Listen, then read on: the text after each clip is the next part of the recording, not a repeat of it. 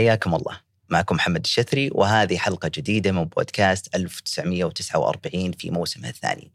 في هذه الحلقة تكلمنا عن واقع الأدب السعودي اليوم عن تحدياته وتحولاته في ظل ما يشهده من تحولات ثقافية وكذلك مساهمات وأدب للمشهد الثقافي السعودي.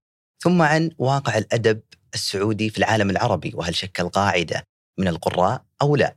ثم أخيرا عن تطلعات الأدب السعودي إلى العالمية وعن أثر مشاركة الكاتب السعودي والكتاب السعودي في المعارض العالمية الدولية. كل هذا وأكثر مع ضيفنا آه الأستاذ والأديب الشاعر محمد الحرس أما الآن أترككم مع الحوار.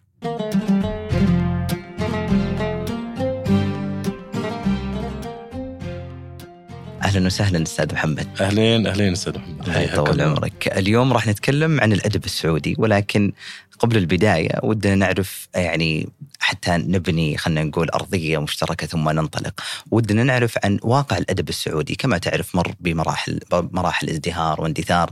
لكن ماذا عن واقع الأدب السعودي اليوم؟ حقيقة الواقع واقع الأدب السعودي مؤثر بشكل كبير. آه، أصبح آه، جاذب لكل الفئات ولكل الأحوال. آه، أصبح مرتبط بالحياة الاجتماعية. تجد مثلا في المعارض آه، كيف آه، الإنسان السعودي يذهب مع أسرته من فئات وعمر كبيرة جدا. لم نكن نلحظها سابقا. كان كان ليقل للرجال أكثر مثلا معارض الكتب الفعاليات التي تقام. أصبحت الفعاليات مرتبطة بالترفيه نوعا ما. تجد فيها موسيقى تجد فيها المسرح. آه، أصبحت أنشطة متنوعة وهذه جاذبة آه، لم تكن موجودة سابقا. الآن أصبح الواقع الأدب لصيق بالناحية الاجتماعية أكثر. آه، فهذا ميزة لم تكن سابقا موجودة. جميل. يعني نقدر نقول إنه مثلا سابقا كان هنالك اهتمام معين في مواضيع معينة أو أجناس معينة ثم الآن تنوع هذا الاهتمام. أكيد أكيد أكيد الأول سابقا كان فقط آه، الرواية والشعر هو عنوان كبير عن الأدب السعودي وإحنا تخرجنا آه، من المدارس بهالطريقة يعني لكن الآن اختلف الوضع الآن أصبح العالم ينظر لك من منظار الأدب الذي تقدمه للعالم فماذا تقدم للعالم من أدبك إذا لم يكن هناك موسيقى، لم يكن هناك مسرح، سينما، كل هذه فعاليات كبرى آه، تحت عنوان الأدب السعودي. جميل. هذا التنوع أعتقد يعطي إشارة أن هنالك دعم كبير حول الحركة الثقافية وتحديدا الحركة الأدبية. ودي أسأل أستاذ محمد كيف ساهم هذا الدعم والتمكين اللي حظى فيه اليوم الأدب السعودي آه، بتموضع الأدب السعودي؟ كيف ساهم هذا الدعم؟ ساهم ليس ف... ليس جهة واحدة وإنما آه، هناك مساهمات عديدة من جهات مختلفة سواء على مستوى المجتمع الأهلي السعودي آه، مجتمع المؤسسات المجتمع المهتمين بالأدب وتنويره كلها أصبحت تصب في مصلحة الأدب السعودي وهناك دعم معنوي دعم مادي مثري حقيقة وبالتالي وجدنا الحصيلة الكبرى بأن الأدب السعودي بدأ يأخذ وضعه الحقيقي على مستوى المحلي والمستوى الوطني والعالمي أيضا. آه عن الأدب هنالك أجناس مختلفة. الشعر، الرواية، يمكن ذكرناها القصة القصيرة. ما الذي يتفوق في هذه الأجناس من غيرها وما هي الأكثر الذي تراه اليوم في واقع الأدب السعودي؟ والله في يعني في مقولة حق لكبار النقاد بأن كل عصر يتفوق فيه جنس على الآخر يعني الأجناس الأدبية تتصارع في فيما بعضها من يفوز من هذا الجنس هو الظروف التي تحكم الظروف الاجتماعية والثقافية أعتقد الآن آه لأقل من 2005 أعتقد أن جنس الروائي هو الأكثر حظوة والأكثر آه بروزا. والجنس النسائي هو القادر الحقيقي على بروز هذا هذا. وهم أكثر آه، آه، أكثر ابداعا أقل أكثر ابداعا بحكم قربي من من كتاب الرواية. أجد أن العنصر النسائي أخذ آه، أخذ حظوة كبيرة جدا في الكتابة وهناك أسماء حقيقية توصل إلى حتى القائمة القصيرة في البوكر وهم أسماء سعوديين يعني. بالتالي الجنس الروائي له أسباب متعددة طبعا. لا أريد أن أدخل في الأسباب الكثيرة لأن الجنس الروائي يعبر تعبير مباشرا عن عن الشخصية السعودية.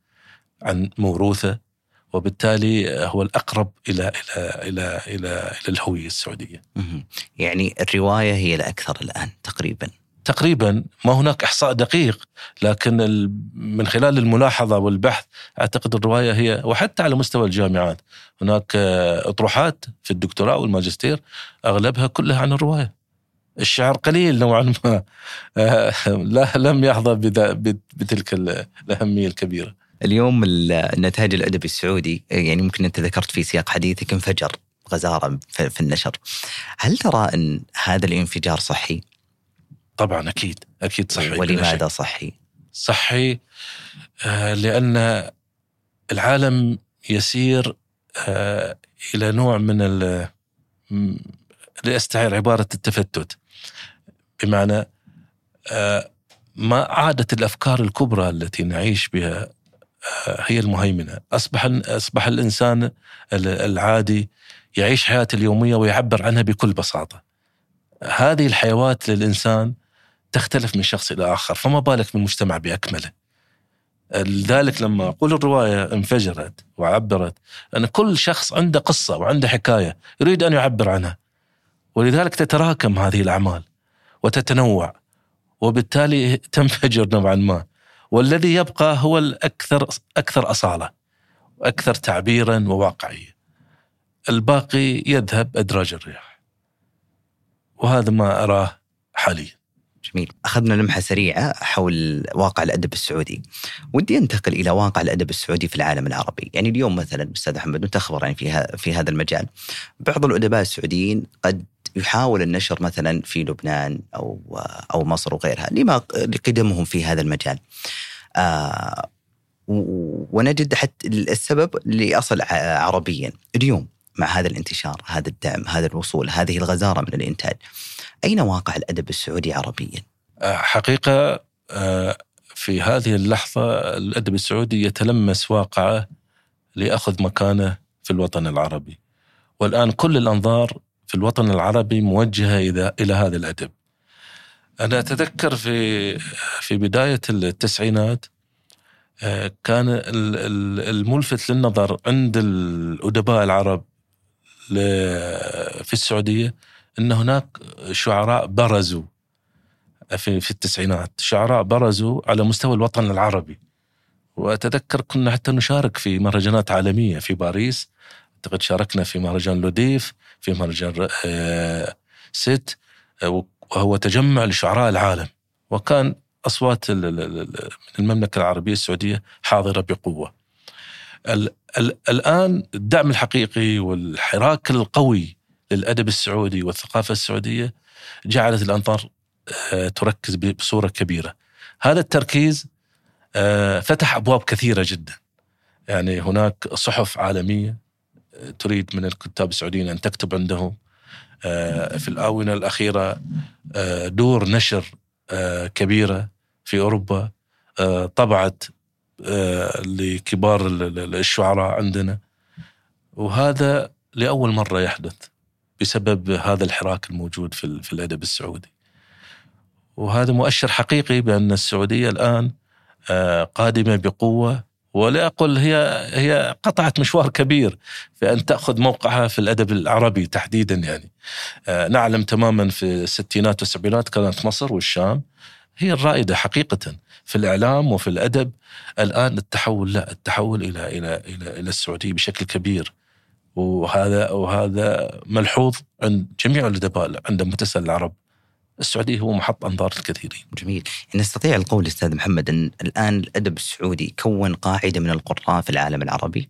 بالتأكيد بالتأكيد هناك كثيرين بحكم قربي من آه، آه، البعض من الأدباء الكبار في الوطن العربي يقول بالحرف الواحد أنا حريص أن أقرأ لكتاب سعوديين وأدباء سعوديين. وهذا دلالة كبيرة على أن الأدب السعودي وصل إلى مرحلة يعني تجاوز فيه المحلية بشكل كبير. جميل. هل نستطيع القول أن خلينا نقول مثلا أحد الطرق أو الأشياء اللي ساهمت لانتشار الأدب السعودي غير الحراك هي الجوائز العربية مثل البوكر آه، وغيرها من الجوائز. هل ساهمت هذه الجوائز اللي حصل عليها أدباء سعوديين في انتشار الأدب السعودي العالم العربي؟ ليس تماما الجوائز ساهمت ربما ساهمت جزء بسيط لكن مواقع التواصل الاجتماعي أسهم مساهمة فعالة في انتشار العديد من المواهب الكبيرة التي وصلت من المحلية إلى إلى العربية وحتى العالمية. وهذا تكاتف حقيقي جعل من الأدب السعودي آه، متفرد في الساحة.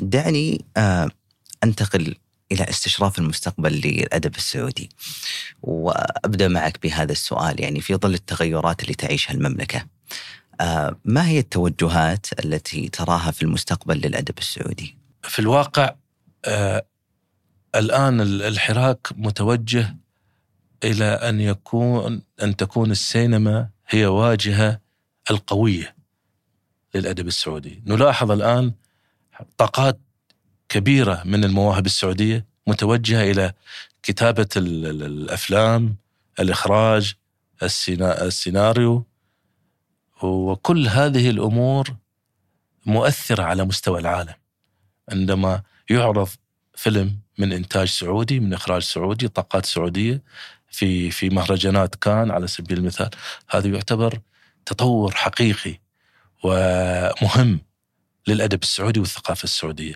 أعتقد التوجه المستقبل هذا هو الأهم حاليا. جميل.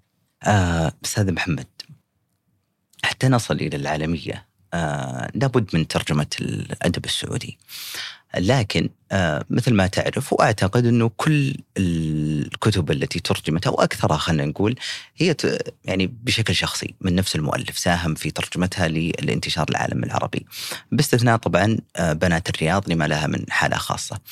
آه لكن أطرح هذا السؤال هل دور الغربية اليوم بدأت تهتم بالأدب السعودي وبدات خلينا نقول ستطلب الأدب السعودي حتى تترجمه وينتقل إلى العالمية أو لا؟ أكيد آه، لأقل من خلال المهرجانات العالمية على الأقل التي تقام عالميا ومشهورة دائما للحضور الأديب السعودي له دور كبير جدا سواء على مستوى المهرجانات الثقافية وحتى المهرجانات الأدبية هناك حضور للأدب السعودي وللأديب السعودي آه، بصورة كبيرة جدا مع معروفة.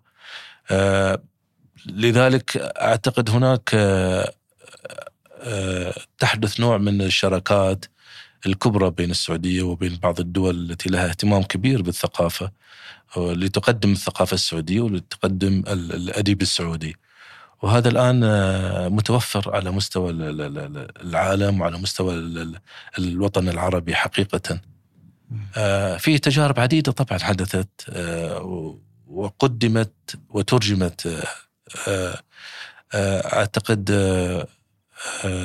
في اليونسكو مؤخرا حدثت بعض التراجم للأدباء السعوديين لا الدكتور حسن نعمي مثلا ترجم له كتاب عن الرواية السعودية. الدكتور سعد البازعي مثلا ترجم له كم كتاب. حسب ما أورد الدكتور عبد الله الغذامي هذه واجهة للأدب السعودي والثقافة السعودية وعليه طلب كثير وترجم أكثر من مرة. أيضا الشعر السعودي آه، كبرى الدور الفرنسية ترجمت لشعراء سعوديين. أحمد الملا غسان الخنيزي آه، آه، محمد الحرز مثلا ترجم لها بصر كبير. جميل. في ظل الحراك الأدبي والأكثر الأسماء اللي ذكرتهم تبارك الله يعني هم المتصدرين واللي لهم سنوات طويلة في باع الأدب السعودي.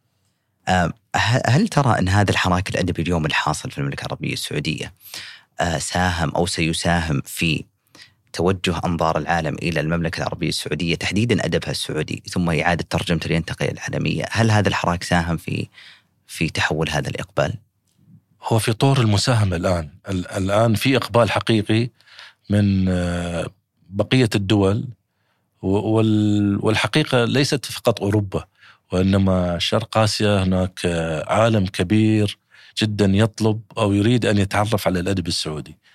آه، تعرفنا على كثير من من شعراء أمريكا الجنوبية من شعراء صينيين آه، حقيقة كانوا لهم رغبة أن يدرسوا حتى الأدب السعودي ويحصلوا على بعثات لدراسة الأدب السعودي. وهذا دليل على هناك آه، اهتمام كبير. اهتمام كبير لأسباب كبرى. الأدب السعودي له قاعدة كبيرة آه، الازدهار الموجود اجتماعيا وثقافيا له دور كبير أيضا في ازدهاره. وهذا كلها عوامل تراكمت لتعطي صورة آه، جميلة جدا. عن تطور الأدب السعودي. دعني أختم معك بهذا السؤال أستاذ محمد، يعني بعد ما أخذنا رحلة طويلة عن واقع الأدب السعودي ثم عن واقع الأدب السعودي في العالم العربي وكذلك لمحة سريعة عن واقع الأدب السعودي في العالم. هنالك دور أساسي يحتاجه الأدب السعودي اللي هو التسويق، واليوم مثلا نرى أن هنالك مشاركات ومحاولات للتواجد في معارض عالمية مثل معرض لندن للكتاب وغيرها. هل تجد أن هذه الخطوات تساهم في تسويق الأدب السعودي وللوصول إلى العالمية وأنه يتحول اقبال إلى الادب, إلى الأدب السعودي حتى يترجم ويصل للآخرين؟ بالتأكيد هذه خطوة جبارة جدا لأن غير هذا الانتشار لا يمكن أن يكون. هذه الوسائل مهمة جدا في انتشار الكتاب السعودي بطريقة آه، جدا سهلة وميسرة. العالم هكذا هو يسير. هناك شركات كبرى في العالم آه، آه، تختص بالتسويق وهناك شركات أيضا تختص بالنشر وإنتاج الكتاب. تعلم مثلا على مستوى العالم كتاب الكتاب على مستوى العالم الكل عنده مسوق ويسوق لكتابه والآن الأدب السعودي آه، حقيقة آه، في هناك ناشرين محترفين آه، قادرين على أن ينشروا أن ينشروا الكتاب السعودي على في في على مستوى العالم ترجمة وانتشارا وحتى تسويقا. وهذا ما ما انتبه له الكثير من المهتمين بالأدب السعودي وعقدوا شراكات كبرى مع مع شركات لها اهتمام كبير في التسويق. وأعتقد إحنا نرى يوميا إعلانات كبرى تسوق للأدب السعودي وتسوق لترجمته أيضا. وهناك مبادرات أيضا كبرى آه، تهتم آه، تختص حقيقه بترجمة الكتب المهمة في الأدب السعودي إلى العالم. والعكس أيضا صحيح ترجمة العالم إلى الأدب السعودي. لفظ التسويق دائما خاصة في الثقافة إنه لا يا أخي كيف تسوق الثقافة؟ الثقافه أصيلة يعني، لكن أعتقد اليوم آه، سنصل إلى الذهنية الاحترافية إنه لا الكتاب والأدب يحتاج إلى تسويق حتى يصل. طبعا التسويق التسويق آه، صحيح كنا سابقا مترفعين عن أي. كلمة تسويق لأن نعتبرها آه، للتجار فقط وليس للأدباء لكن الآن لا يمكن أن يكون صوت مسموع دون تسويق.